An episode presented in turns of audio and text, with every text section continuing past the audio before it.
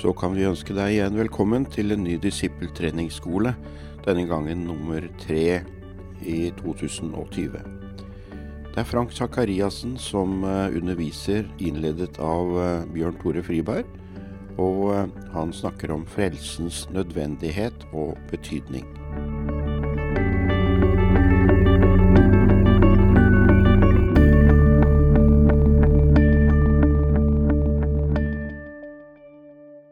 Ladies and gentlemen. Vi er nå samlet igjen, og i dag er det Frank Sakariassen som skal dele med oss. Så han har forberedt seg, så han har nesten slitt ut knærne sine. Så, men Gud er god, og så vil jeg bare så takknemlig, Frank, at du kommer her. Og så eh, får du bare dele ut fra ditt hjerte, og så holder vi på kanskje en tre kvarter eller en time eller tre. Og så tar vi en pause til det. Men klokka elleve så går alarmen. Men vi bare takker og priser deg, Herre, halleluja, for, for din fantastiske godhet og for din nåde over oss. Jesus, du er Ordet og du er det levende ordet. Så vi bare takker og priser deg. Takk for din salvelse over Frank, men også takk for din salvelse over oss andre, Herre. Jeg bare ber, Herre, at vi får lov til å sitte med åpne hjerter, og at ditt ord, Herre, kan få lov til å bli planta i hjertene våre, sånn at, kan, sånn at det kan spire og gro, og at vi igjen kan få lov til å være med og lære andre. Så hjelp oss, Herre, og levendegjør ordet ditt for oss, sånn at vi igjen kan få lov til å hjelpe andre. I Jesu navn. Amen. Vær så god, Frank.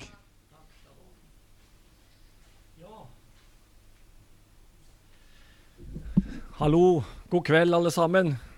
Hyggelig å, å være sammen med dere. Jeg har gleda meg. Det har, vært, eh, det har vært hektisk i dag, men eh, jeg sa til Gud la meg komme inn i bobla. jeg trives veldig godt der. For da er det liksom konsentrert om det du skal gjøre, og det du skal dele. Og så heldigvis og fikk bedt og eh, Når jeg kjørte oppover, er det bare, bare ikke lukker øynene når du kjører bil og ber, så går det veldig bra. Men jeg kan be, og be Gud om hjelp og nåde og, og, og velsignelse over det en skal si, og det en skal dele med dere kom akkurat ifra Betel, der, jeg, der, vi er. da. Så der har de også starta med barnearbeid. da.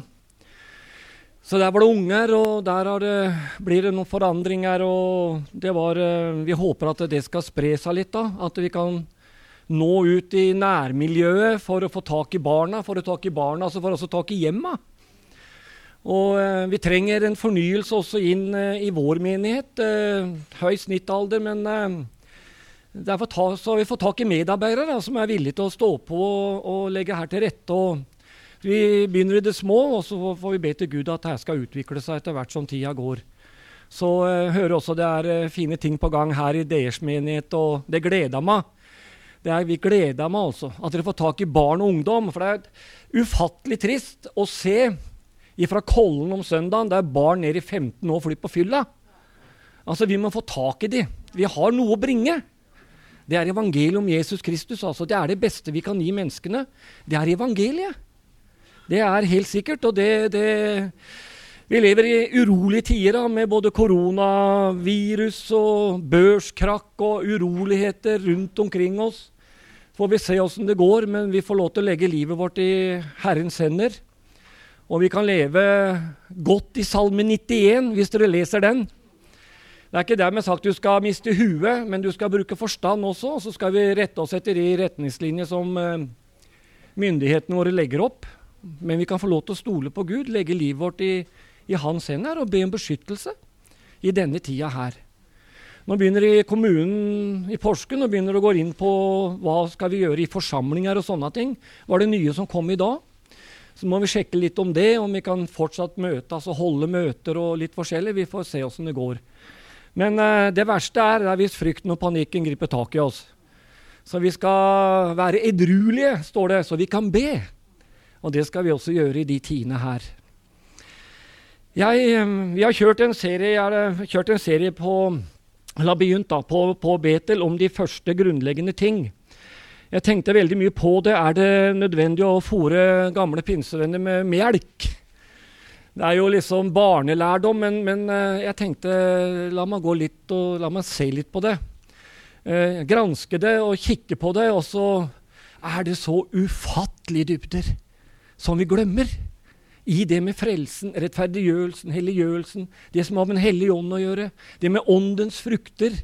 Altså, Det er så mye stoff, det er så mye rikdom i de grunnleggende sannheter som vi har i Bibelen. At uh, en lærer, selv om han har vært frelst i over 40 også så lærer han veldig mye sjøl når han graver seg ned i stoffet. Og det har vært en stor velsignelse for meg. Og uh, det jeg har tenkt å dele med dere da, det er uh, frelsens nødvendighet og frelsens betydning. Så jeg håper jeg kan dele hjertet mitt og det ordet jeg har fått i, og det, det jeg har, med dere. Og så, er det så avhengig av Den hellige ånd, at han levendegjør ord og skriftene for oss, så at det blir mat og brød og, og, og eh, eh, Vi kjenner at vi går styrka hjem til vårt hus når vi er ferdige her i kveld.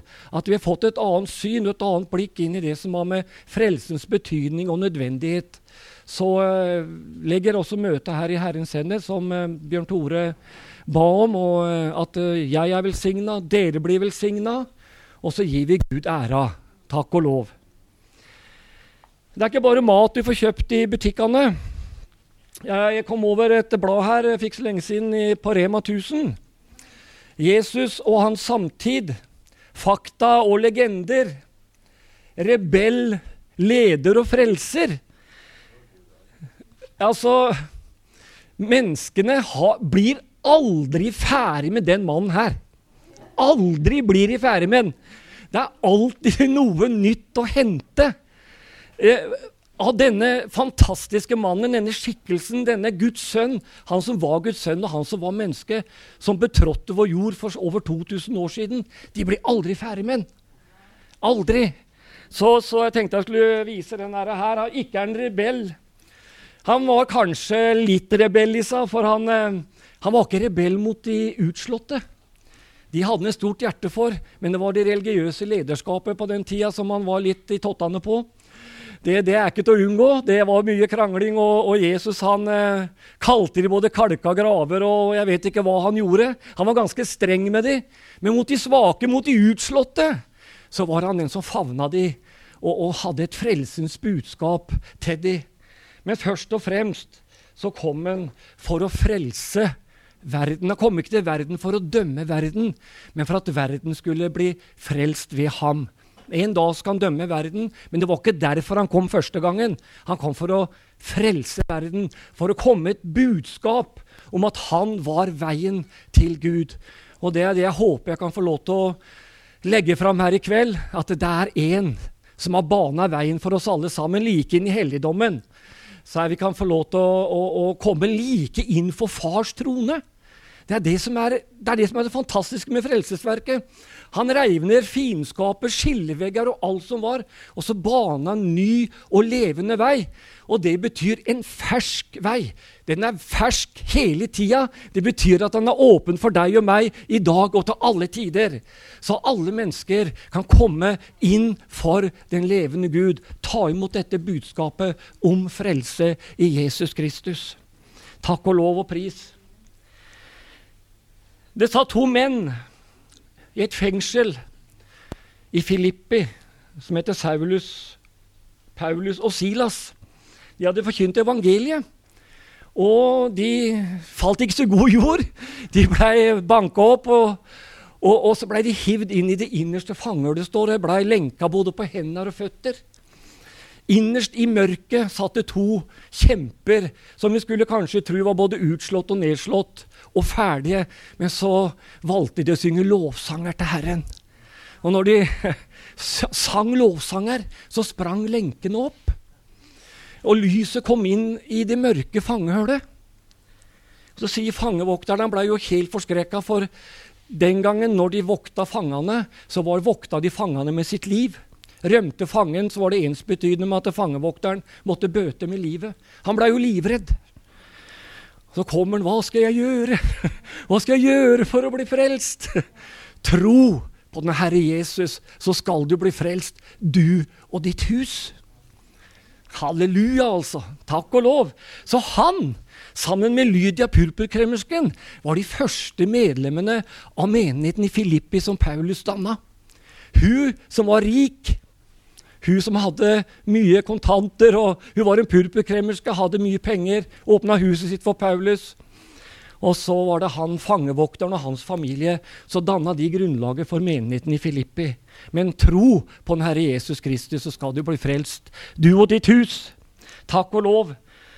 For én ting er vi sikre på alle sammen, det er at frelsen den kommer fra jødene. Det sa Jesus til kvinnen ved Sykars brønn i Johannes 4, 22. Bibelen, Jesus og frelsen, er gitt oss av jødefolket. Vær klar over det. Det er gitt oss av jødene. Hele Bibelen er skrevet av jøder, unntatt legen Lukas, som antagelig kom fra Antiokia, der Paulus og Barnabas ble sendt ut som de første misjonærene. Alle de andre er skrevet av jøder. Og vi står som kristne i Vesten og over hele verden i stor takknemlighetsgjeld til det jødiske folk for hva de har gitt oss. Ja, frelsen er individuell for oss alle sammen. Kan ikke arve oss. Gud har ikke barnebarn. Han har ekte barn i troen. Jødene vet du, de sleit både med loven og bud og forskrifter og alt som, eh, alt som var. De trodde at eh, å holde loven det var veien inn til Gud, det var veien inn til frelsen. Men det sier Paulus at det var ikke. Loven kom for å, for å synliggjøre synden i menneskets liv. Det var det det var fyra opp under synd. Og, og, eh, det var ingen farbar vei til frelsen. Så eh, rettferdiggjørelsen og frelsen det er noe som skjer øyeblikkelig. Jeg er ikke mer frelst i dag enn jeg var for 40 år siden. Jeg er ikke mer rettferdiggjort enn jeg var for 40 år siden. Men jeg kan bli mer hellig. Helliggjørelsen er noe annet, som vi ikke skal komme inn på nå. Derfor så måtte Jesus Kristus komme. I ham var den iboende kraften til frelse ved tro. Og som 1. Korinterbrev 15,3 sier, Kristus døde for våre synder etter Skriftene.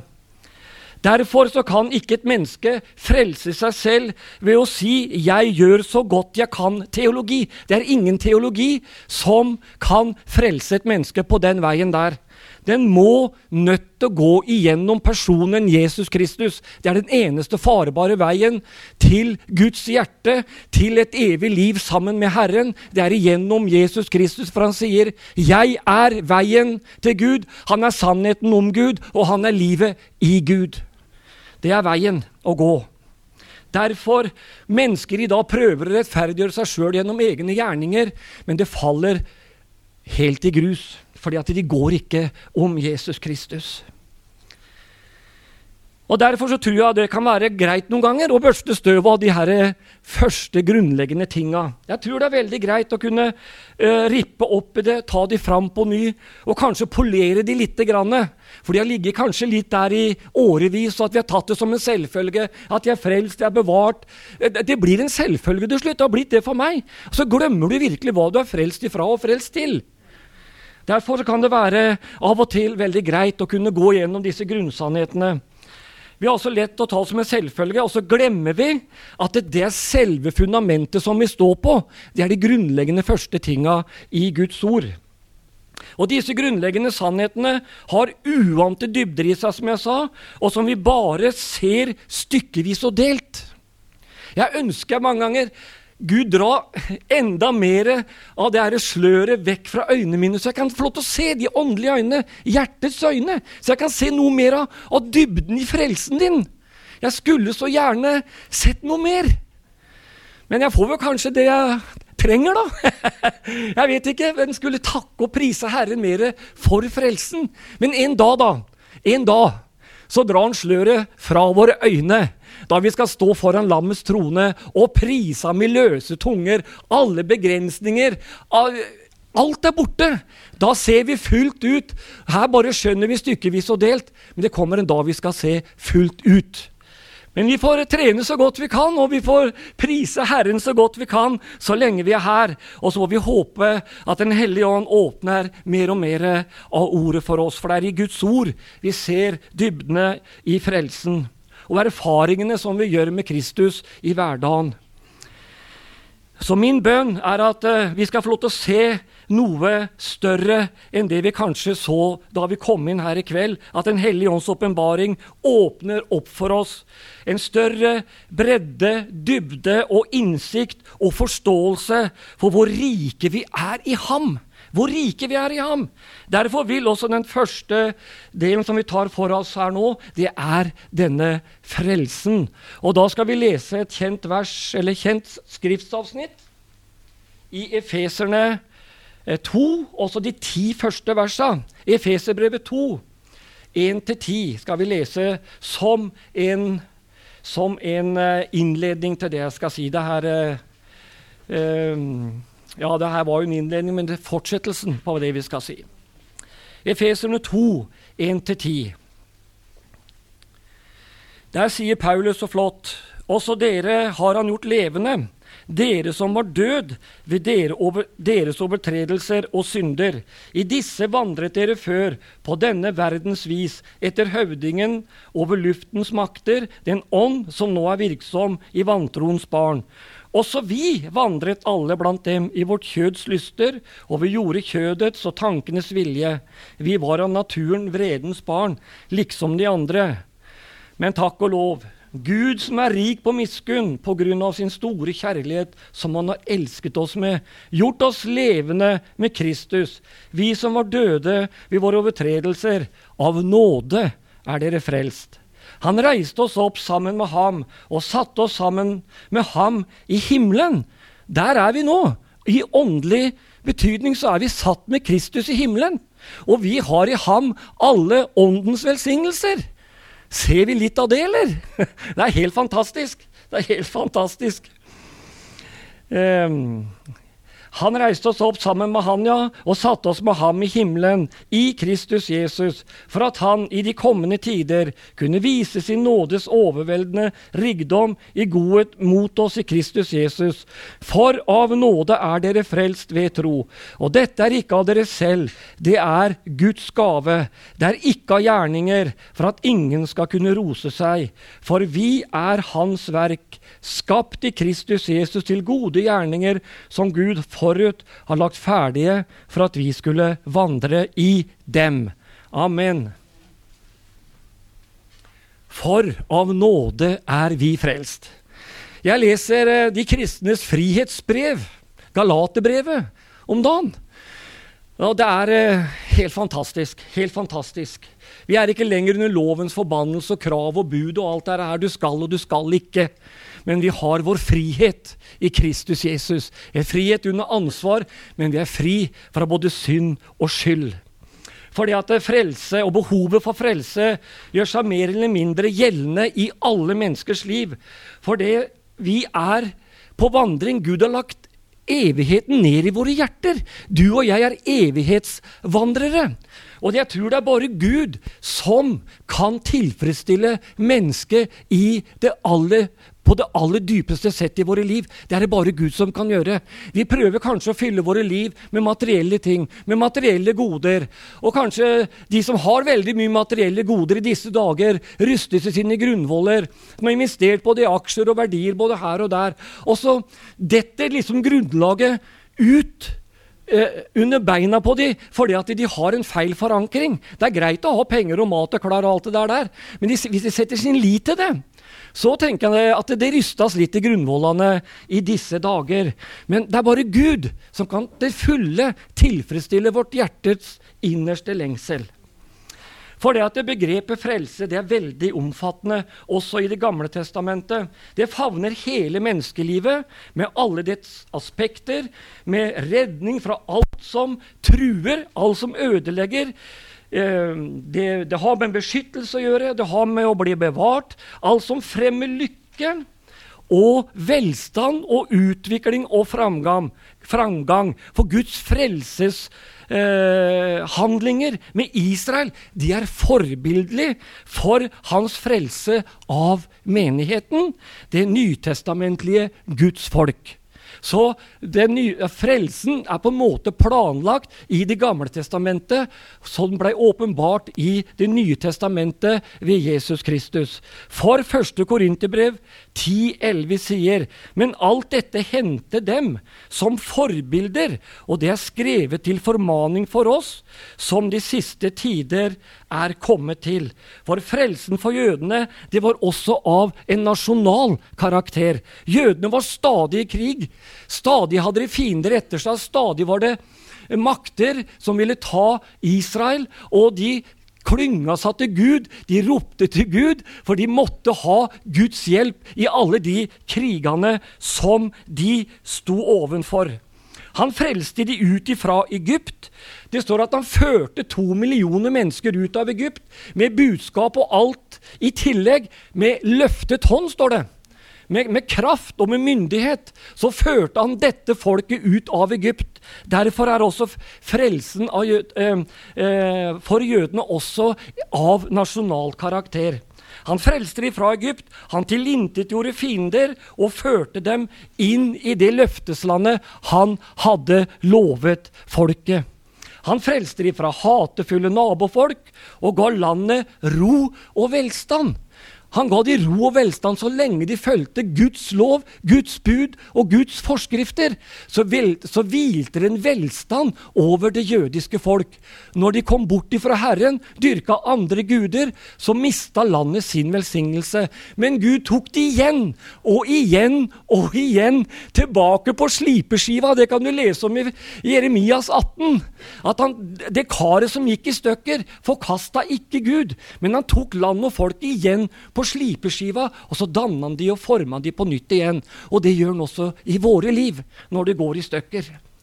Men han har aldri mista eh, grepet på sitt folk, for han våker over sitt folk, og han våker over sitt ord, så det skal fullbyrdes i sin tid. Han har et øye med Israel. Det er Guds øyenstein, det jødiske folk. Han har aldri forkasta det, og vi må aldri gå inn på erstatningsteologien, at Gud har glemt jødefolket, og så har han lagt alle sine velsignelser for jødene gått over til menigheten. Det er feil. Gud handler også med sitt folk i dag, samtidig som han handler med menigheten. Det går i to parallelle spor. Det gjør det. For Gud skal til fulle en dag få sin fulle vei og vilje med det jødiske folket.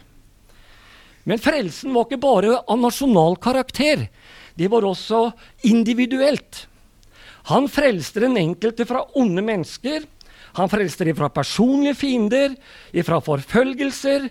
Men Gud forlater først og fremst synd og befrir fra syndens makt. Det er også en veldig klar indikasjon på i Det gamle testamentet.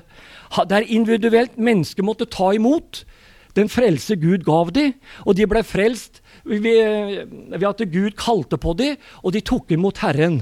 Det, det, men Jesus var jo ikke inne i bildet den gangen. Det var jo loven og lovens bokstav som de måtte følge. Men, men han frelste de ut ifra fiender, og han frelste de også fra synd. David var jo i en særstilling når han falt i synd med Batseba. Men han falt på sine knær og ba Gud om tilgivelse. Og Gud reiste mannen opp igjen og kalte David sin, eller min tjener og ga David en ny sjanse.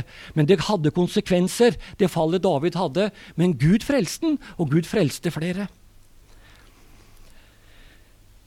Det skaper en tilstand av ytre velstand og indre harmoni, lykke, som følge av Guds velsignelser. Det gir bønnesvar, det skjenker glede i hjertet, gjør trygg eh, og utløser lovsang når Gud møtte også menneskene i Det gamle testamentet. I halleluja, takk og lov. Vi ser også at Gud vil frelse sitt folk i den store trengsel, da bare en rest vil bli tilbake. Så Gud har store planer også for sitt folk, for framtida. Og han sier, salmisten, 'Jeg vil løfte frelsens beger, og så vil jeg påkalle Herrens navn'. Det var også en gjennomgangstone i Det gamle testamentet. Det var frelse også individuelt, akkurat som det var nasjonalt. Han samler da sitt folk og han en dag så skal han gjenreise Israel nasjonalt og åndelig. Og denne frelsen kommer fra himmelen og fra Herren selv. fra Herren selv. En dag så skal jødefolket se opp til han som de har gjennomstunget, står det. Og så skal de gråte sårt. For da skal de til fulle få se han de forkasta. Så det ligger litt fram i tid, men det er på gang. Så hva er da frelsen i Det nye testamentet? Her går vi over fra den gamle pakt, og så skal vi inn i den nye pakt, som kom med Jesus Kristus. Og det Fortsatt så ser ikke jødene der. Det er mange jøder som blir frelst, men fortsatt så ligger det et slør over det jødiske folks øyne. De ser ikke at Jesus var den eh, Messias som var på den tida, eh, når han var her på jord. Fortsatt så ligger det et slør over jødefolkets øyne. Men for oss, for hedningene, så ser vi det på en helt annen måte. Disiplene fikk jo beskjed om å gå til det jødiske folk og preke evangeliet. Og, og, og utbre evangeliet fra Jerusalem, Samaria, like til jordens ender. Det var det budskapet som de fikk. Og, og dette budskapet fikk også sin fulle betydning da Paulus kom på banen, som var hedningen, hedningenes apostel. Men den brannen, den gløden, det som var tent på pinsefestens dag, det Jesus hadde lagt ned i disiplene, det var det ingen makt og myndighet som kunne stoppe. Altså, Guds menighet lever den dag i dag. Den ble tent en brann for over 2000 år siden. Og enda er det liv og kraft i menigheten! Halleluja, takk og lov! Vi sitter jo her som et resultat av hva de første kristne var villige til å ofre liv og lemmer for å forkynne evangeliet så er vi et resultat av det. For helvetes krefter skal ikke få makt over Guds menighet. Takk og lov og pris. Det sier jeg ammen halleluja til. altså. Da blir vi varme i trøya her, men det er så godt å tenke på. Det er så herlig, altså. Å få lov til å banke det her fast og inn. At vi er et resultat av at mennesker ble fylt av Den hellige ånd og brakte evangeliet ut. Og så skal vi fortsatt få lov til å ha denne stafettpinnen i handa. Og skulle Herren drøye med å komme, så får vi gi den til neste generasjon, da. At det, det, er fortsatt liv i oss, og kan fortsatt være i liv i den generasjonen som kommer etter oss. Det er veldig viktig. Takk og lov og pris at vi skal levere stafettpinnen over. Men kommer han, så kommer han når han kommer, og så er vi rede når han henter sin menighet. For frelsen har også flere betydninger. Det er frelse fra akutt livsfare. Det er frelse fra havsnød, hjelp i forskjellige rettstvister, om en leges hjelp eller en lykkelig gjenkomst. Men frelse er i Nytestamentet først og fremst ment som at vi som mennesker blir gjenoppretta i vårt forhold til Gud. Det er det er frelsens hovedmål. At mennesket blir gjenoppretta i sitt forhold til den levende Gud. Takk og lov. Det var brutt. Vi var i mørket. Vi var i djevelens makt. Det er faktisk vi var det. Vi var mørkets barn. Vi gjorde mørkets gjerninger. Vi var uten håp og uten Gud i verden. Og så kommer evangeliets lys og skinner inn i våre hjerter. Og så får du og jeg, som lå nede, som var ufrelste i det ene og det andre, får vi lov til å bli gjenoppretta i vårt forhold til Gud. Bibelens hovedtema det er Jesus Kristus. Men Bibelens hovedanliggende det er mennesket i dets fortapte stilling. Og jeg tenker på den fortapte sønnen som lå og hvelva seg i søla i møkka og elendigheta. Som hadde forlatt fars hjem og farshjerte og skulle ut på egen hånd i livet. Det gikk jo aldeles gærent. Han hvelva seg i grisemøkka. Han åt det grisene åt. Det er mange som har vært der. Det er mange som har vært der, så langt nede. Men så, så er det så fint, for det står at han kom til seg sjøl, står det. Han kom til seg sjøl. 'Jeg vil hjem! Jeg vil hjem!'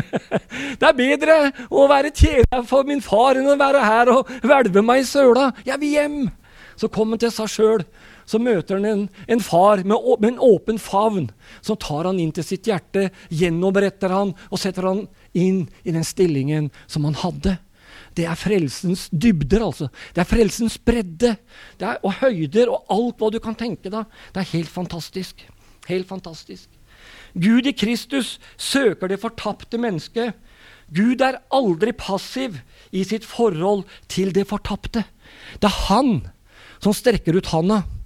Han elsket deg først, før jeg elsket Jesus Kristus. Det er sånn det er, det. Han søkte meg. Jeg søkte ikke Gud, men han søkte meg. Han brukte mennesker for å få tak i meg. Det er det det var. Det kom en og ville ha meg på møte. Så Gud bruker mennesker for å, for å få tak i, i, sjeler, for å få tak i, i mennesket. For han vil at alle mennesker skal bli frelst og komme til sannhetserkjennelse. Han er aldri passiv. Han er aktiv. Han er aktiv.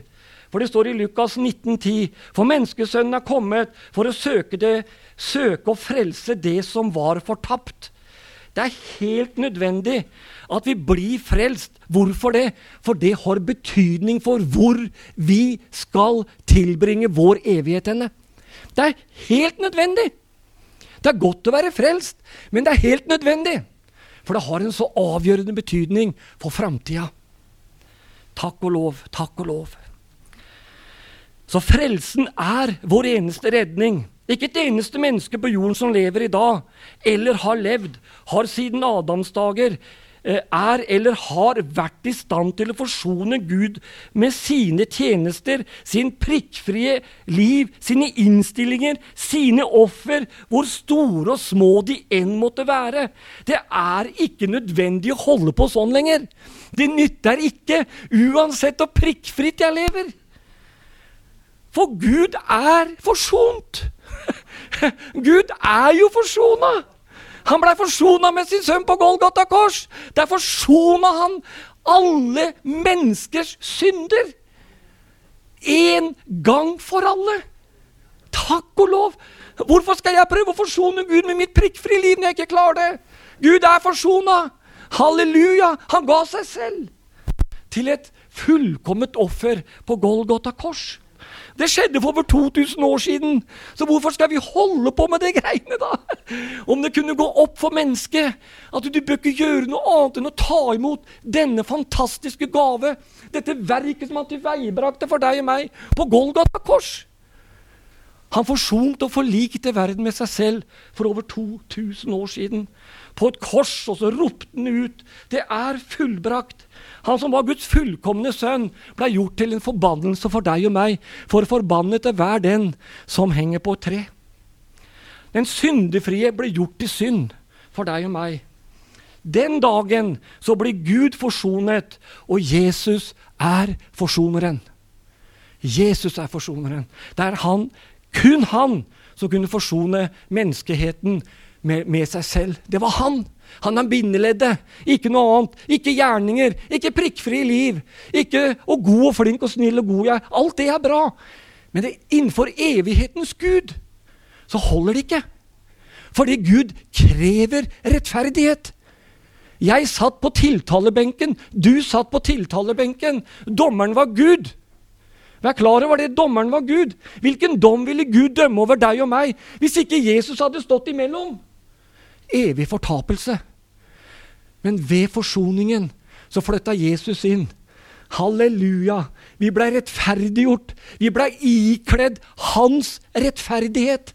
Og så ser Gud ikke bare meg, en syndig fattig stakkar, men han ser Kristus i mitt liv. Han ser Kristus. Halleluja! Da holder vi mål, Sørre. Da holder vi mål. Ja, For det er ikke basert på deg og meg. Det er basert på hva han har gjort. Det er basert på hva han har gjort. Og det er et herlig evangelium. Derfor sier Paulus, 'Jeg vil ikke vite noe annet av enn Jesus Kristus korsfestet midt iblant dere.' Og han sier til Galaterne i kapittel 3, 'Hvorfor driver dere på og drar disse judaistene inn i menigheten?' 'Hvorfor skal dere rettferdiggjøres ved Moselov når dere ikke klarer det?' Har ikke jeg malt Kristus Jesus for deres øyne, sier han.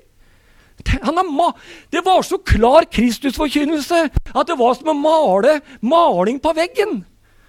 Så de hadde ingen grunn til å dette ned i lovens krav og bud. For det var de ferdig med. Det hadde Jesus oppfylt på Golgata kors. For det var ikke noe menneske som kunne oppfylle lovens krav. Det var 613 lover og forskrifter og ti bud og en haug med forskrifter som fariserene hadde laga på toppen av det hele. Annet på sabbaten kunne du ikke bære større vekt enn en daddel. Så de gikk helt ned i detaljene, og så la de det over på de menneskene. De klarte det ikke sjøl, men de la de over på andre mennesker også. Og så blei de blei også de tynget ned av alle disse byrdene. Men så kommer det en som oppfyller alle lovens krav og bud for deg og meg. Vi er fri i Kristus Jesus ifra lovens krav og bud. Halleluja! Fordi han oppfylte dette punkt og til prikke. Det var langt utafor teksten, men jeg bare kjente at det måtte jeg bare si. Halleluja!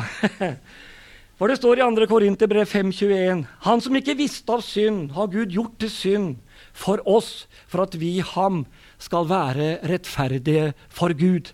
Han er veien, han er sannheten, og han er livet. Som jeg sa, han er veien til Gud, han er sannheten om Gud, og han er livet i Gud. Adam og Evas fall har hatt en virkning på hele menneskeheten. Menneskehetens fall handler derfor først og fremst om et sammenbrudd av troen. Troen på Guds ord, for djevelen sa 'Har Gud virkelig sagt?' Denne vantro leder til ulydighet, som igjen førte til ødelagte forhold, og til slutt med et skille mellom Gud og mennesker. Hvilke konsekvenser syndefallet fikk for menneskeheten. Når Adam falt, så falt hele menneskeheten. Åssen kan jeg si det? Jo, fordi at vi har arvesynd i oss. Det var den dårlige ferd som Peter skriver om, som var arvet ifra fedrene. Det er arvesynden. Så Derfor krever Gud rettferdighet. Han krever rettferdighet. Du må kvitte deg med synden. Du må bli frelst. Du må få, bli forsonet med meg, sier Gud. Synden forandret noe i menneskets natur. Det påvirket mellommenneskelige forhold og vårt forhold til Gud. Det første e- Adam og Eva fikk erfare, det var skam. Det var skam. De, hvorfor det? De skjønte at de var nakne. Det var ingen som hadde sagt til de før syndefallet at de var nakne. Nå kan jo prøve å trove naken ned på, ned på Hercules her, så tenker jeg nok det hadde blitt rabalder. De var nakne. De følte skammen. Synd er skam. Synd er skam. Det andre var at det, i stedet for å bli lik Gud, slik Satan sa de skulle bli, ble de i stedet redd for Gud og forsøkte å gjemme seg for ham. Det står at Adam var redd, og han var naken. Redd og naken. Altså Før syndefallet var det et åpent forhold mellom Gud og mennesker. Gud vandra sammen med Adam i hagen ved kveldstid og prata. Det var et kjempeforhold. Så kommer slangen med tvilen. Har Gud virkelig sagt? Så var det ødelagt. Så beit de på agnet som sjelefienden hadde lagt klar for dem. Så blei det skam, så blei de nakne, og så blei de redde, og så prøvde de å skjule seg for Gud. Og Gud ropte, 'Adam, hvor er du?' I stedet for å innrømme sin synd forsøkte de å unndra seg ved å plassere årsaken til synd på noen andre. Fordi Adam anklaget Eva, men Adam anklaget også Gud ved at han sa 'Kvinnen som du ga meg'. Det førte også til synd fører til anklage. Du klaga på andre istedenfor å ta, kaste lyset innover deg sjøl og se hvilken stilling du er i sjøl. Redd, naken og anklager. Det er syndens konsekvenser vi her snakker om. Kvinnen som du ga meg, sa han. Klaga på Eva, og han klaga til Gud. Eva, hvor plasserte hun skylda si henne da? Hun plasserte skylda på slangen. Så her ser vi tydelig noe av syndens konsekvenser. Vi skylder på andre i forhold til oss selv. Skyldte på slangen. Han dåra meg. Altså skyld og skyld og skam og anklage. Mennesket var på en måte satt ut av spill. Gud krevde rettferdighet. Vi ser også at kvinnen skulle føde med smerte. Jorden ble, ble, forbannet, og de ble utvist fra eden, og døden kom inn i verden. Vi ser at menneskets frie vilje bryter med Guds åpenbare vilje. All synd, om den enn er liten eller stor, resulterer i at vi dømmes skyldig. Synd inkluderer både tanker og handlinger. Den forblinder, og den formørker våre tanker. Det er syndens konsekvenser, altså. Som jeg sa, synd skaper også skyld. Alle er vi syndere og skyldige innenfor Gud. Romerne 3,19. Synden det påvirker hele menneskeheten. Adams fall fikk konsekvenser for deg og meg. Vi kan jo legge skylda på Adam. Hvorfor dreiv de på sånn, da? Hva, hva, hva, hadde skjedd hvis ikke de hadde gått i fella, da? Da hadde vi hatt paradis på jord. Det hadde det. Men du skjønner det. Det som er det fine, det er at Gud ga mennesker den frie vilje. Gud ga mennesket fri vilje. Og hvorfor ga Gud mennesket fri vilje? Det var at du og jeg skulle slippe å være roboter. At vi skulle være helt deaktiverte, for å si det på den måten. Gud ga oss vilje så vi kunne velge. For Gud tvinger seg aldri på mennesker, men han kommer med et tilbud. Han kommer med et tilbud. Vil du? Han sa til den syke ved Betesta dam, 'Vil du bli frisk?' Klart han ville bli frisk, men Jesus røyk ikke rett på med å helbrede han. Han spurte. Jesus er gentleman. Den hellige ånd er gentleman. Han knakka pent på døra. Vil du? Vil du? Og så er det opp til deg å velge ja eller nei. Men Gud i sin visdom ga deg og meg vår frie vilje, så vi ikke skulle tvinge oss inn, at Gud skulle tvinge oss på meg eller vi på han. Men vil du? Men vil du, så er døra oppe. Vil du, så skal du få evig liv. Vil du, så skal jeg gjenopprette deg. Vil du, skal jeg helbrede deg. Vil du, så skal jeg frelse deg. Halleluja. Takk og lov, altså. Takk og lov. For det at vi kom innunder arvesynd og Adams tilbøyelighet til å gjøre synd. Alle har syndet og mangler Guds herlighet. Det står ikke navn der. Det står alle. Det står alle mennesker. Alle mennesker. Slipper ikke unna, for vi har dra med oss arven fra Adam og Evas fall inn i hele menneskehetens historie. Derfor så må Gud forli forlikes gjennom sin sønn og hans frelsesverk på Golgata. Det er ikke noe annet som nytter. For syndens hovedsete, det er hjertet det vi kjenner som tanker og følelser hos oss. Derfor sier Bibelen at vi skal vokte vårt hjerte. Hvorfor det? For livet går ut ifra det. Ordspråket 423, det er fra hjertet at eh, hele personen, både intellektet, viljen, følelsen og kroppen, blir påvirket. Og gjennom det så blir menneskenaturen fordervet, og den blir syndefull. Den blir syndefull. Kjære Gud. Jeg har lyst til å ta en liten breik. For at uh, nå kommer jeg inn på det som er så herlig og positivt. det er en vei ut av det, ser du! Det er en vei ut av det! det er en vei ut av det, og det skal jeg dele med dere på slutten her. Jeg har noen sider å gå igjennom, jeg håper jeg klarer å komme imellom.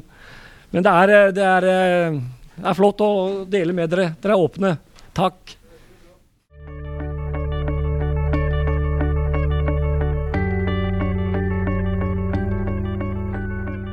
En eh, liten pause kan være godt med litt kaffe eller noe å, drikke. Og så eh, fortsetter vi ganske straks igjen.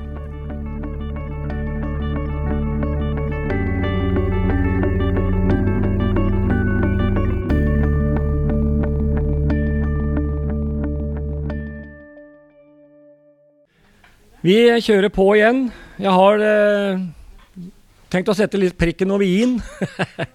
så, eh, så eh, vi fortsetter i samme sporet. Og det, vi var inne på det med loven, da. Lovens krav og bud. Men loven vår også hadde moralske sider ved seg som vi ikke må forkaste. Vi skal ikke gi friheten vår anledning eller påskudd til å leve som vi vil. Det skal vi ikke gjøre. Sånn var det med loven, sånn er det vi også har det som kristne, at vi skal leve vårt liv som er omvendelsen verdig, innafor de kriterier som Gudsordet setter. Da lever vi i friheten. Da lever vi i Kristi frihet. For det er ikke noe land i verden som har fått en sånn lov som jødefolket fikk. Ingen. Ikke et land i verden. Det var for å beskytte de og hjelpe de og holde de på sporet Så, de, så landet var forankra i sin Herre og sin Gud, for å si det på den måten. Men den hadde ikke denne frelsende effekten i seg, for den kom for å, å bygge oppunder synd og presentere deg og meg som syndere innenfor Gud, for vi kunne ikke rettferdiggjøre oss sjøl. Men hva måtte så til da for å gjenopprette dette forholdet mellom Gud og menneske? Det var bare Gud som kunne rette opp den situasjonen. Bare han kunne bringe den falne skapning tilbake til fellesskapet med seg. Det måtte en ny fødsel til. En ny fødsel.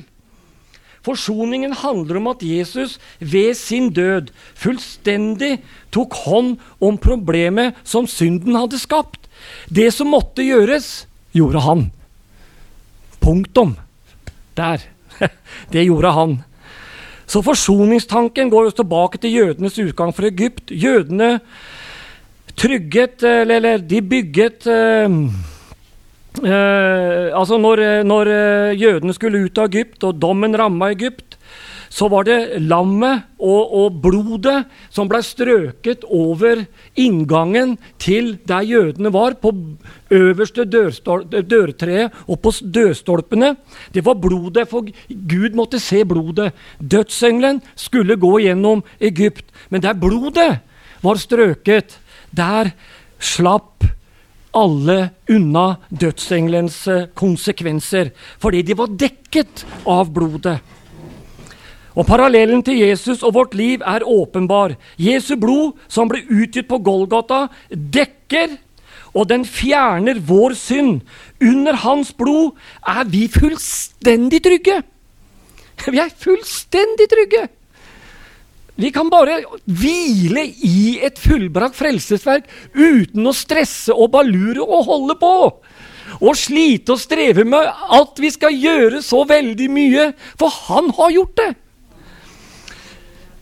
For det at vi var blitt fremmedgjort i vårt forhold til Gud, sier Efeserne 4,18. Og Jesus er den eneste som kan forsone Gud og menneske. Han var den eneste som kunne og var i stand til å ta straffen i vårt sted. Ikke blodet av bukker og kalver lenger. Det opphørte da Jesus blei det fullkomne offeret på Golgata kors. Straffen måtte sones. Gud måtte rettferdiggjøres. Og straffen og forbannelsen måtte ramme han som var den syndefrie Jesus Kristus. Det var den eneste veien Gud kunne blitt fullstendig tilfredsstilt. Blod av bukker og kalver opphørte den dagen da Jesus ofret seg selv. Det var ingen som tok Jesu liv. vet du. Han ga det. Han ga det. Jesus han døde ikke som martyr. Han døde for våre synder. Han døde en stedfortreders død. Markus 10, 45 sier han kom selv for å tjene og gi sitt liv til en løsepenge i manges sted.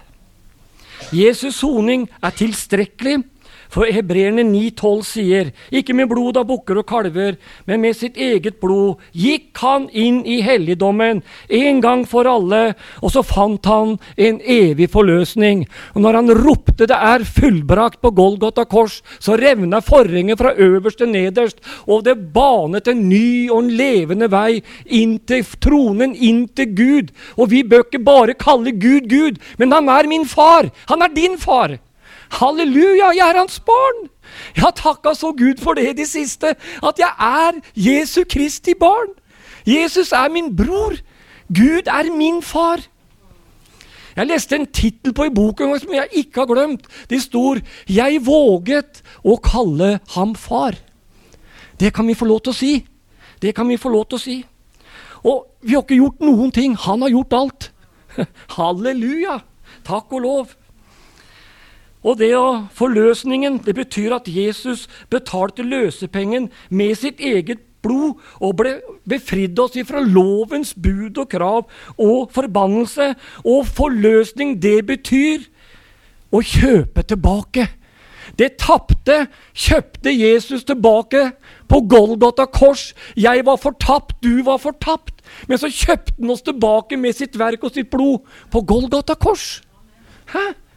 Vi kan kalle det her barnelærdom, men jeg blir salig av det! jeg blir salig av det, altså! Jeg blir så glad! Jeg blir så glad! Halleluja, altså! Han har befridd oss og kjøpt oss tilbake til Gud. Jesus betalte prisen med sitt liv. Derfor er det ingen billig nåde. Det fins ikke billig nåde, for Bibelen sier at vi er dyrt kjøpt. Vi er dyrt kjøpt. Det er billig nåde å få kjøpt overalt nå. Det er nåde på billigsalg. Lev som du vil, for det er nåde å få. Det er helt ubibelsk. Det er helt ubibelsk. For vi er dyrt kjøpt. Han ofra det beste himmelen hadde å gi, og det var sin egen sønn, Jesus Kristus. Det endelige offer for synd skjedde da han ropte et fullbrakt. Det ultimate og det endelige offer for synd, det var fullført. Det er ikke nødvendig med andre løsninger. Ingen kan erstatte det Jesus gjorde. Han er den eneste veien til Gud, og det fins ingen andre løsninger.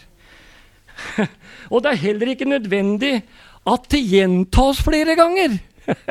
det er ikke nødvendig. Han gjorde det én gang for alle. En gang for alle, står det.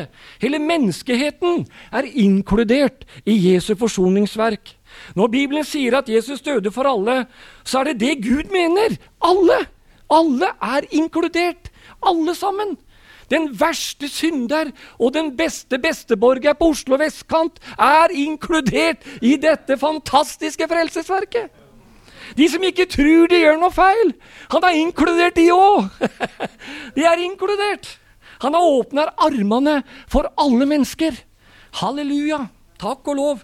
Og han døde for alle, sier 1. Korinterbrev 5, 15, for at de som lever, ikke lenger skal leve for seg selv, men for Han som døde og ble reist opp for dem. Jesus døde ikke for noen få utvalgte. Gud bøyde seg ned i uendelige nåde i møte med en syndefull verden. Han bøyde seg ned. Han kom som en tjener, tok på seg, en, tok på seg en tjenerskikkelse. Og da han i sin ferd var funnet som et menneske, fornedret han seg selv, så han ble lydig til døden, ja, korsets død. Og så sier Filippenserbrevet derfor har Gud høyt opphøyet ham og gitt ham det navn som er over alle andre navn. Så i hans navn skal hvert kne bøye seg, de som er i himmelen på jorden og under jorden. Og så skal alle erklære at han er herre til Gud Faders ære. Halleluja, han bøyde seg ned og tok tak i oss. For av nåde er dere frelst, og det er ikke dere selv. Det er en Guds gave, sier Feserne 2,8. Guds nåde er kilden til frelsen. Frelsen har sitt opphav i Guds godhet. Takk og lov og pris, altså. I Guds godhet. Frelsen, den nye fødselen, er en Guds handling hvor han formidler åndelig liv inn i den som tar imot Jesus Kristus. Vi som var døde, får åndelig liv. Det formidler han inn i ditt og mitt liv. Takk og lov. Det er det som kalles omvendelse. Omvendelse er å snu 180 grader. Ikke 360, for da kommer du til utgangspunktet. Men det er 180 grader. Ny retning, nytt innhold, nytt liv. Ny kurs i livet. Halleluja, takk og lov. Tenk å få ny kurs. Vi var på feil. Vi var på feil kurs. Men så kommer omvendelsens budskap og sier du må vende om. Vend om. Omvendelse er å snu seg 180 grader vender oss til korset og til tilgivelsen og til forløsningen i Kristus Jesus. Vi blir en del av Guds rike. Og Jesus sier til Nikodemus at du må bli født på ny, Nikodemus. Kan jeg for andre gang komme inn i mors liv? Jeg kan ikke skjønne at han hadde den tanken engang. Jeg ser det for meg som veldig umulig. Jeg ser det for meg som veldig umulig. Og Jesus ble jo litt trist, da. Nikodemus, du er en av Israels lærere, og så kjenner du ikke veien engang. liksom det er. Nå skal du høre her, du må bli født på ny, Nikodemus. Og han blei jo frelst, da. Han blei jo frelst. Og dette er inngangsdøren til Guds familie. Gjenfødelsen er en guddommelig handling. Den er utført av Gud. Det er et åndelig gjennombrudd, et guddommelig inngrepen i ditt og mitt liv. Titus 5, 3-5 sier at han frelste oss ikke pga. rettferdige gjerninger, som vi har vært så mye innom, som vi hadde gjort, men han gjorde etter sin miskunn, sin nåde, ved badet til en fødelse og fornyelse. Når Guds ord blir forkynt, for det er badet i ordet det her er snakk om. For dåpen frelser ikke noen, men det er frelse i dåpen. Det er dåp i frelsen. Sier jeg riktig nå? Ja, det er dåp i frelsen. Ellers kan det bli helt gærent. Men ved at vi fikk høre ordet, så smelta ordet sammen med troen i våre hjerter, og så blei vi frelst. Takk og lov og pris. Han frelste oss etter sin miskunn og sin nåde. Takk og lov. Og Vi er av natur levende mennesker, men vi er døde i våre synder og overtredelser. Den nye fødselen formidler et nytt åndelig liv, Guds liv. Vi går fra åndelig død til åndelig levende. Halleluja! I den nye fødselen gir Gud oss en ny natur. For 1. Peter 1,4 sier vi fikk del i guddommelig natur etter at vi flyktet bort fra fordervelsen i verden som kommer av lysten. Det at du og jeg gikk over fra mørke og til lys, fra døden til livet, så fikk vi del i guddommelig natur. For vi hadde fallets natur i oss. Men vi er frelsen, sa du og jeg, fått del i guddommelig natur. Det er jo så fantastisk. Ved guddommelig makt reiste han Jesus opp fra de døde, og ved denne guddommelige makt har han utrustet oss med åndelig evne til å leve et gudfryktig liv. Et gudfryktig liv. Guddommelig natur er den natur som karakteriserer Gud. Den naturen som uttrykkes gjennom et hellig liv, ærbarhet, rettferdighet, kjærlighet og nåde. Det skal prege våre liv. Derfor skal vi bære frukter som er omvendelsen verdig. Det har med helliggjørelse å gjøre. Den fortsetter hele livet, enten den kommer for å hente meg og deg, eller at vi må dø en naturlig død, og da er helliggjørelsesprosessen over. Derfor skal dette kjennetegne oss som kristne. Og du kan lese nøye 2. Peter 1, 5-8. Jeg skal ikke lese det, men skriv det opp. 2. Peter 1, 5-8.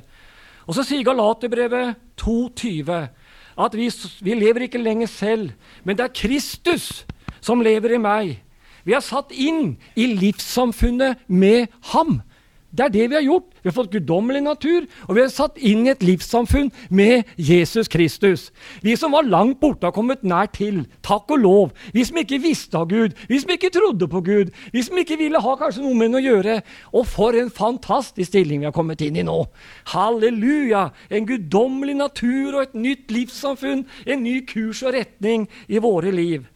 Derfor er det absolutt nødvendig at mennesker blir frelst. Å være åndelig død, det betyr å være fremmedgjort for Gud. Efeserne 5,18 sier så er forstanden formørket og fremmed for livet i Gud. Uten håp var vi, vi var uten Gud, og vi var fortapte. Både vår syndefulle natur og Guds hellighet krever en ny fødsel. Hvis man vil bli født på ny, må man gi sin tilslutning til evangeliet. Det er det jeg sier at Gud har gitt oss vår frie vilje. Tro på Herren Jesus. Det var det Peter sa til fangevokteren i Filippi. Tro på Herren Jesus, så skal du bli frelst, du og ditt hus. Det er selve forankringspunktet i frelsen, det. Det er å tro på Jesus. For Jesus sier at ikke la hjertene deres bli fylt av uro. Tro på Gud, og tro på meg. Det nytter ikke bare å tro på Gud. Du må tro på Gud. Han som Gud utsendte. Johannes 17, 4, tror jeg det står. Jesus Kristus. For veien til Gud går nettopp igjennom Hans sønn. Og jeg tror det er det som er så veldig vanskelig for oss mennesker. Det er, Vi tror på Gud, men vi vil ikke gå veien om Jesus for å komme til Gud. Det er så vanskelig å, å bøye seg ned. Det er så vanskelig å, å innrømme at jeg er en synder og trenger nåde. Det er den tyngste veien vi kan gå. Og Når jeg er ute på gata med den, eh, med den gatekirken, så treffer jeg på ungdom. Og gode Gud, og åpne de er. Og bøyelige og føyelige og, og mottagelige. Så treffer de sånne gamle rugger som meg, da. Eh, som 60-70 og oppimellom. Nei, vi har ikke tid. Vi har ikke bruk for dette her. Kjære Gud, tenker jeg. Jo gamlere du blir, jo stivere blir du. Jo stivere blir hjerteknea. Ikke sant? Å bøye seg innunder Guds forordning. Det, det, det, er så trist. Jeg skal, bli, jeg skal, bli, frelst rett før jeg dør. Ja, Men hvem har sagt at du får sjanse til å ta imot Jesus før du dør, da? Ikke sant? Vi, altså, vi må jo sette det inn sånn. Noen blir jo frelst på dødsleiet. Det er heldigvis. Tenk på røveren på korset som hadde levd det livet han levde. Tenk på meg når du kommer i ditt rike. Det var nok til å føre mannen inn i paradis sammen med Jesus Kristus. Halleluja! Så vidtrekkende er frelsen. Så Gud elsker mennesket så langt de kan inn, nesten inn på terskelen til døden. Det er muligheter til å bøye seg, selv når du ligger der. Men det er ikke alle som får den muligheten. Men takk og lov, forstanden er formørket, og vi er fremmede for livet i Gud. Så derfor det er, en, det er selve forankringspunktet. da, Tro på Herren Jesus Kristus. Jesus har åpnet veien for tilgivelse og liv i Gud. Han har formidlet det evige livet til oss mennesker. Den personlige tro på Jesus som vår forsoner er en forutsetning for gjenfødelsen. Det er Den hellige ånd som overbeviser om synd, om rettferdighet og dom. Jeg kan ikke overbevise noen. Jeg er en såmann. Du er en såmann og såkvinne.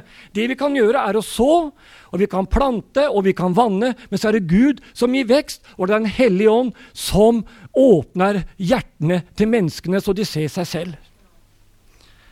Men vi skal gjøre vårt. Vi skal forkynne, og så skal Den hellige ånd overbevise om synd, rettferdighet og dom. Det er frelsens budskap. Den hellige ånd vitner sammen med din ånd at vi er et Guds barn. Og så er frelsen gratis fordi prisen er betalt av Han som ble gjort til synd for deg og meg. Han syndet ikke, men han ble gjort til synd. Jesus hadde ikke synd i kjødet. Det var Han ikke, vet du. Han var syndefri. Ellers kunne ikke Gud bruke ham til den oppgaven han skulle bruke oss til. Å forsone mennesket med seg selv. Han var den syndefrie. Han var lammet. Han var det lyteløse lammet som skulle bringe evig forløsning. For dette frelsen er en gave fra Gud. Og Esaias 53 sier at han tok på seg våre sykdommer. Han tok på seg våre piner. Han tok på seg våre overtredelser. Han tok på seg våre misgjerninger. Straffen ble lagt på ham for at vi skulle ha fred, og vi for alle vill som får. Vi vendte oss hver til sin vei, men Herren lot den skyld som lå på oss alle ramme ham. Fantastisk, Esaias 53. Og du snakker om hva profeten fikk se, altså. Det som skulle komme flere hundre år etterpå. Men Kristi kors er både dypt nok og bredt nok til å dekke over og fjerne all synd i våre liv. Til den som kommer til ham. Ja, men jeg har gjort så mye gærent. Ja, der synden er stor, er faktisk nåden enda større. Halleluja! Du har ikke synda så at ikke det er en nåde å få over livet ditt. Det fins ikke. Det, det, det fins ikke. Ja, er det sant? Ja visst er det sant. Bibelen sier det. Det er Synden blir stor. Er nåden enda større? Takk og lov. Frelsen er helt igjennom et Guds verk og Guds gjerning. Mennesket savner enhver evne til å frelse seg sjøl. Derfor må evangeliet forkynnes på en måte som gjør at mennesker blir overbevist. Og det er Den hellige ånd som overbeviser. Når Peter talte på pinsefestens dag, så talte han så at de kom i syndenøden. Det står at han stakk dem i hjertet. står det. Stakk dem i hjertet. Hva skal vi gjøre for å bli frelst? Å Gud, om vi kunne oppleve sånne møter igjen! Menneskene storma fram i syndenød og ba om frelse for sine sjeler. Hvorfor skjer det bare andre plasser? Kjære Gud, kjære Gud, vi trenger en vekkelse i, over våre menigheter, over dette landet vårt, altså, det sier jeg. Det er bare Den hellige ånd som utad eh, som er i stand til å overbevise mennesker om synd og rettferdighet og dom. Og Peter forkynte på pinsedag, som jeg sa, at det stakk i hjertet. Den hellige ånd var virksom når ordet ble forkynt. Derfor er det så viktig med ordets forkynnelse, fordi det aktiverer Den hellige ånd, som er i stand til å føde mennesket på nytt igjen. Med åndens kraft og liv, for det er liv i ordet ånden. Det er ikke bare tomme bokstaver vi forkynner. Det er, sånne, det er ikke ordgyteri, men det er ånd og liv. Det er ånd og liv. Det har skapermakt i seg. Og det har forvandlingsmakt i seg. Ordet og ånden danner og former mennesket på nytt igjen. Og reiser den ringa støvet og istandsetter og utruster mennesker. Og bringer menneskene tilbake til Gud, det som Gud ønsker at vi skal være. Og gjenoppretter mennesker. Halleluja, for Guds ord er mektig og kraftig. Og mennesket trenger å bli født på ny. Bare da mottar de den nye naturen, Guds natur. Da kan vi si som 2. Korinterbrev 5,17.: Se, alt er blitt nytt. Alt er blitt nytt. Guds frelse i Kristus Jesus forkynnes, og det tilbys mennesker med frelsens evangelium. Derfor er frelsen ikke av gjerninger. Den er av Gud, og den er etter Guds vilje. Den ble lovet Israel. Den ble lovet hedningene. Og så er den av nåde. Syns jeg er flott, vet du. Og så er den av kjærlighet. Og så er den av barmhjertighet. Og så er den av langmodighet. For Gud har båret over med oss i sin langmodighet. Ellers hadde vært ferdig, alle sammen. Og frelsen som, den blir også beskrevet som herlig, stor, fullkommen. Den er felles, altså for alle. Den er varig.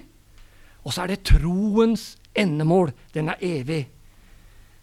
Så står det at himmelens hærskarer lov, lovsynger Gud for frelsen. Takk og lov og pris. Frelsen er tilbudt som en gave til alle som vil ta imot. Frelse kan aldri bli fortjent. Det er Guds nåde som er kilden til frelse, og troen er den kanalen som nåden strømmer igjennom. Det må være troen på Kristus, intet mer, og heller ikke intet mindre. Takk og lov. For som Peter sier i sitt brev, det første kapittel og det 18. og 19. verset For dere vet at det ikke var med forgjengelige ting, gull eller sølv, dere ble kjøpt fri fra deres dårlige ferd, altså synd og arvesynd, som var arvet fra fedrene, men med Kristi dyrebare blod, som blodet av et feilfritt og lyteløst lam, er frelsens grunnlag. Kjøpt fri, det betyr at Gud kjøpte oss fri, og vi fikk vår frihet ved at Gud betalte sin pris igjennom sin sønn Jesus Kristus, ved sitt dyrebare blod. For det var den måten Jesus frelste oss på.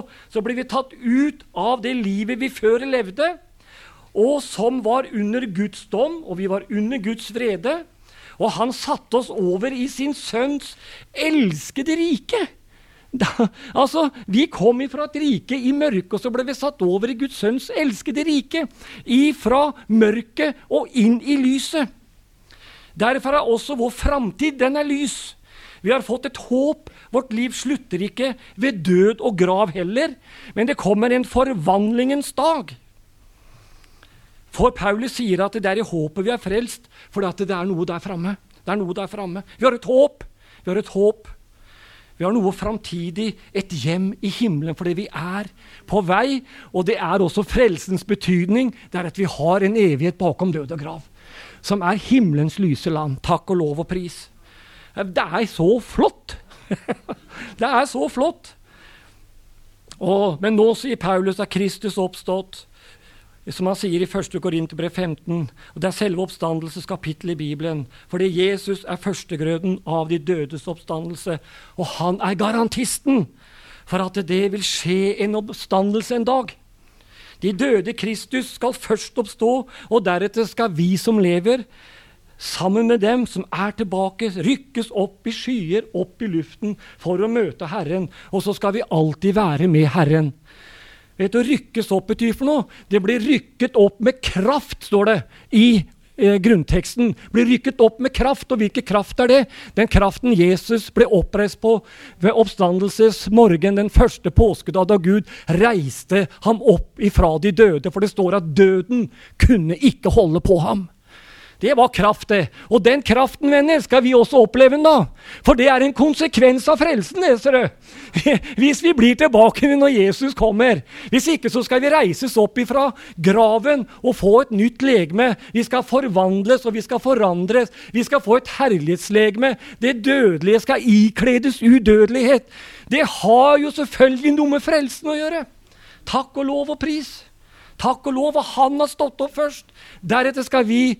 Derfor er han garantisten for at det er en oppstandelse fra de døde. Og så sier han 'trøst av hverandre med disse ord'. sier han. Det er et trøstebudskap vi har å forkynne. Det er ikke skremselsbudskap, men det er et trøstebudskap. Fordi at vi opplever konsekvensen av at vi har tatt et valg for tid og evighet ved at vi har tatt imot Jesus i våre hjerter. Det er frelsens ufattelige konsekvenser. Takk og lov og pris. For den som har tatt imot Jesus som sin frelser, er det framtid, og det er håp. Selv bak død og grav. Som jeg sa, Det forgjengelige skal bli ikledd ut uforgjengelighet. Det dødelige skal bli ikledd udødelighet. Vi får et legeme som er for evigheten. Det her er her, ser du. Det holder ikke. Den gamle hytta her hadde ikke tålt å komme opp. Vi måtte få et nytt legeme, fri fra begrensninger, sykdommer og plager. Et legeme som er tilpasset evigheten og vår nye tilværelse. Hvorfor det? Vi har tatt imot Jesus. Det er konsekvensen av frelsen. Halleluja! Vårt legeme som dør forgjengelig, det skal reises opp uforgjengelig. Takk og lov og pris. For det kommer en kraft, Ja, røsten skal høres ned i gravene, står det. Den siste basun, med overengelens røst. Så skal vi reises opp, de døde i Kristus, og vi som blir tilbake til Paulus, skal sammen med dem rykkes opp i luften, opp i skyen. Takk og lov og pris. Det legeme som dør, det er et legeme som er underlagt vanære.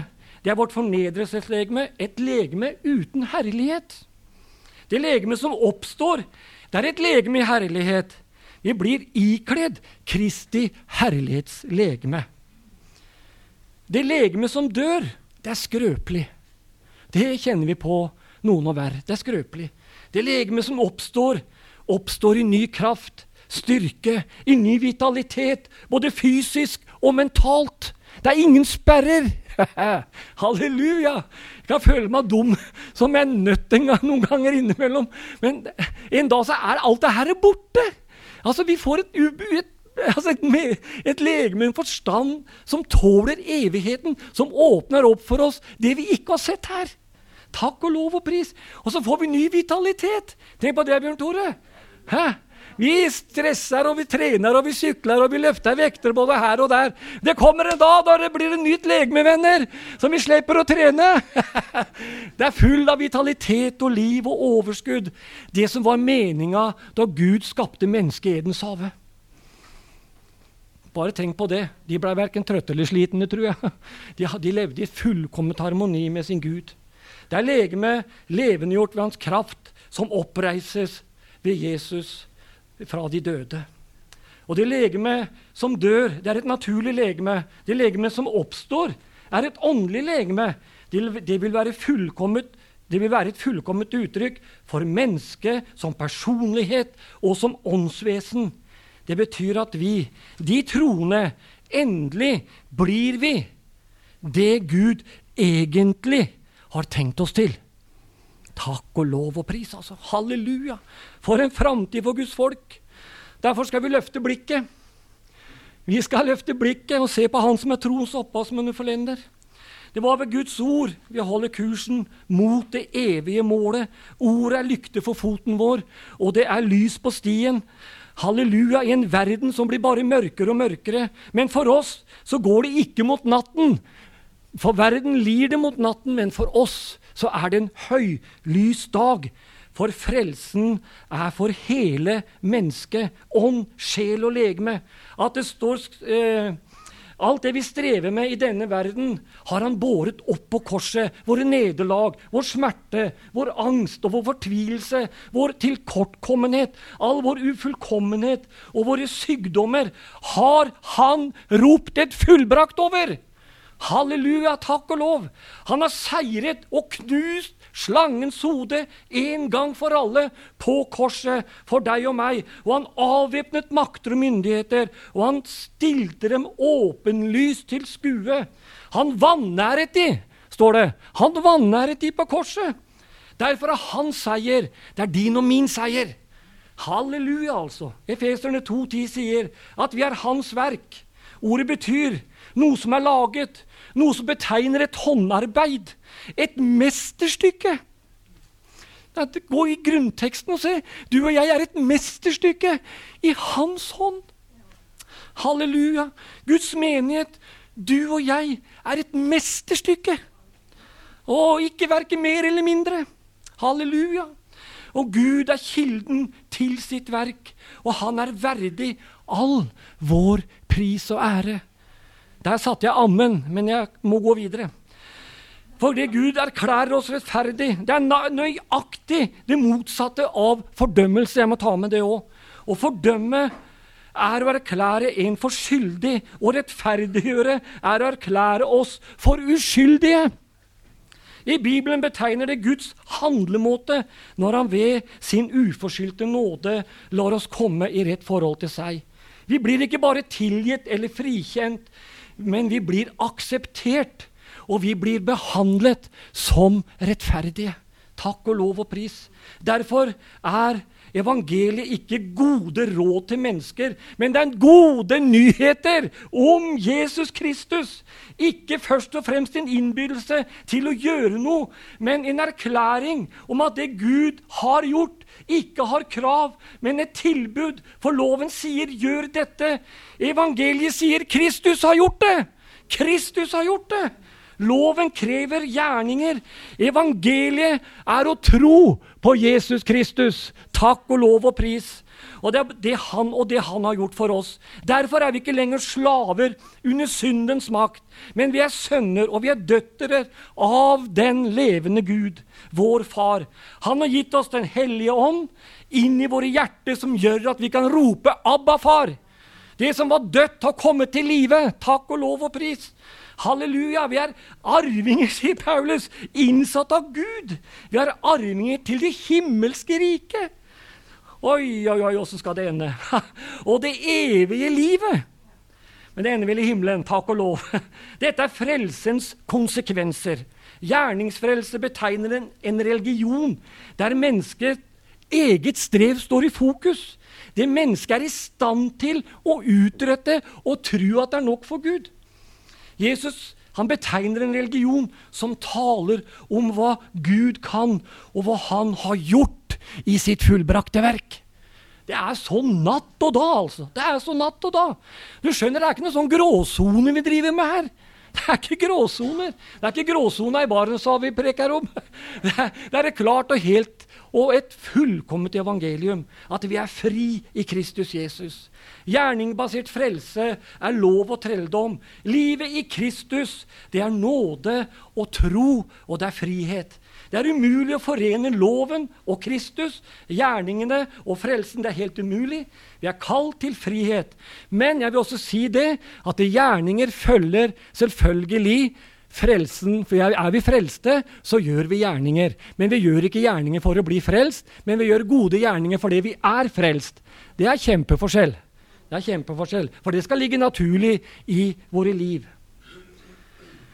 Oi, oi, oi, nå går det mot slutten. Vi er ikke i fangenskap under lovens krav og bud, men det er et nådens kall til frihet i Kristus. Hvert eneste en av oss er kalt av Gud, kalt inn i et overflodsliv sammen med ham. Takk og lov. Vår frihet i Kristus må ikke brukes som en unnskyldning for at vi skal leve som vi vil, men vi skal leve i samsvar med Skriftene for den verden vi lever i. For vi er satt til å være lys og salt. Vi kommer ikke til å bli lys og salt, og vi har ikke vært lys og salt, men vi er lys og salt. For vi var i mørket, men så kom lyset. Halleluja, inn i våre liv. Lyste opp våre hjerter. Og så skal vi være en reflektor av dette lyset ut i denne verden. Vi lyser fordi han har tent lyset i deg og meg. Jeg er ikke rare lampa jeg har å stille opp med, men når han setter lyset på og forandrer livet, så blir vi en reflektor av det lyset som han har blitt i ditt og mitt liv. For han sier om seg selv 'Jeg er verdens lys'. Takk og lov. Halleluja. Takk og lov igjen. Oh. vi er korsfesta med Kristus, sier Paulus. Jeg lever ikke lenger selv, men Kristus lever i meg. Takk og lov og pris. Vi har fått en ny dimensjon over livet vårt. Takk, og det er jeg så glad for. Jeg er så glad at jeg er frelst. At jeg er glad. Takk og lov og pris. Altså, det, er, det er det største jeg har opplevd i mitt liv. Og så blir det ikke noe mindre heller, vet du. Blir, jeg blir mer og mer glad. For jeg får lov til å se litt mer, da. Se litt mer, Gud drar vekk sløret litt her og litt der. Og det håper jeg han har gjort for deg også i kveld. At du ser at det er ikke gjerninger, men det er alene troen på ham som ga sitt liv for deg. Så har vi fått vår frihet, og det skal vi leve i, i, i samsvar med Skriftene. Det er veldig viktig. Så vil Gud hjelpe oss, og Gud velsigne dere her videre. Og takk for at det var lydhøre. Amen.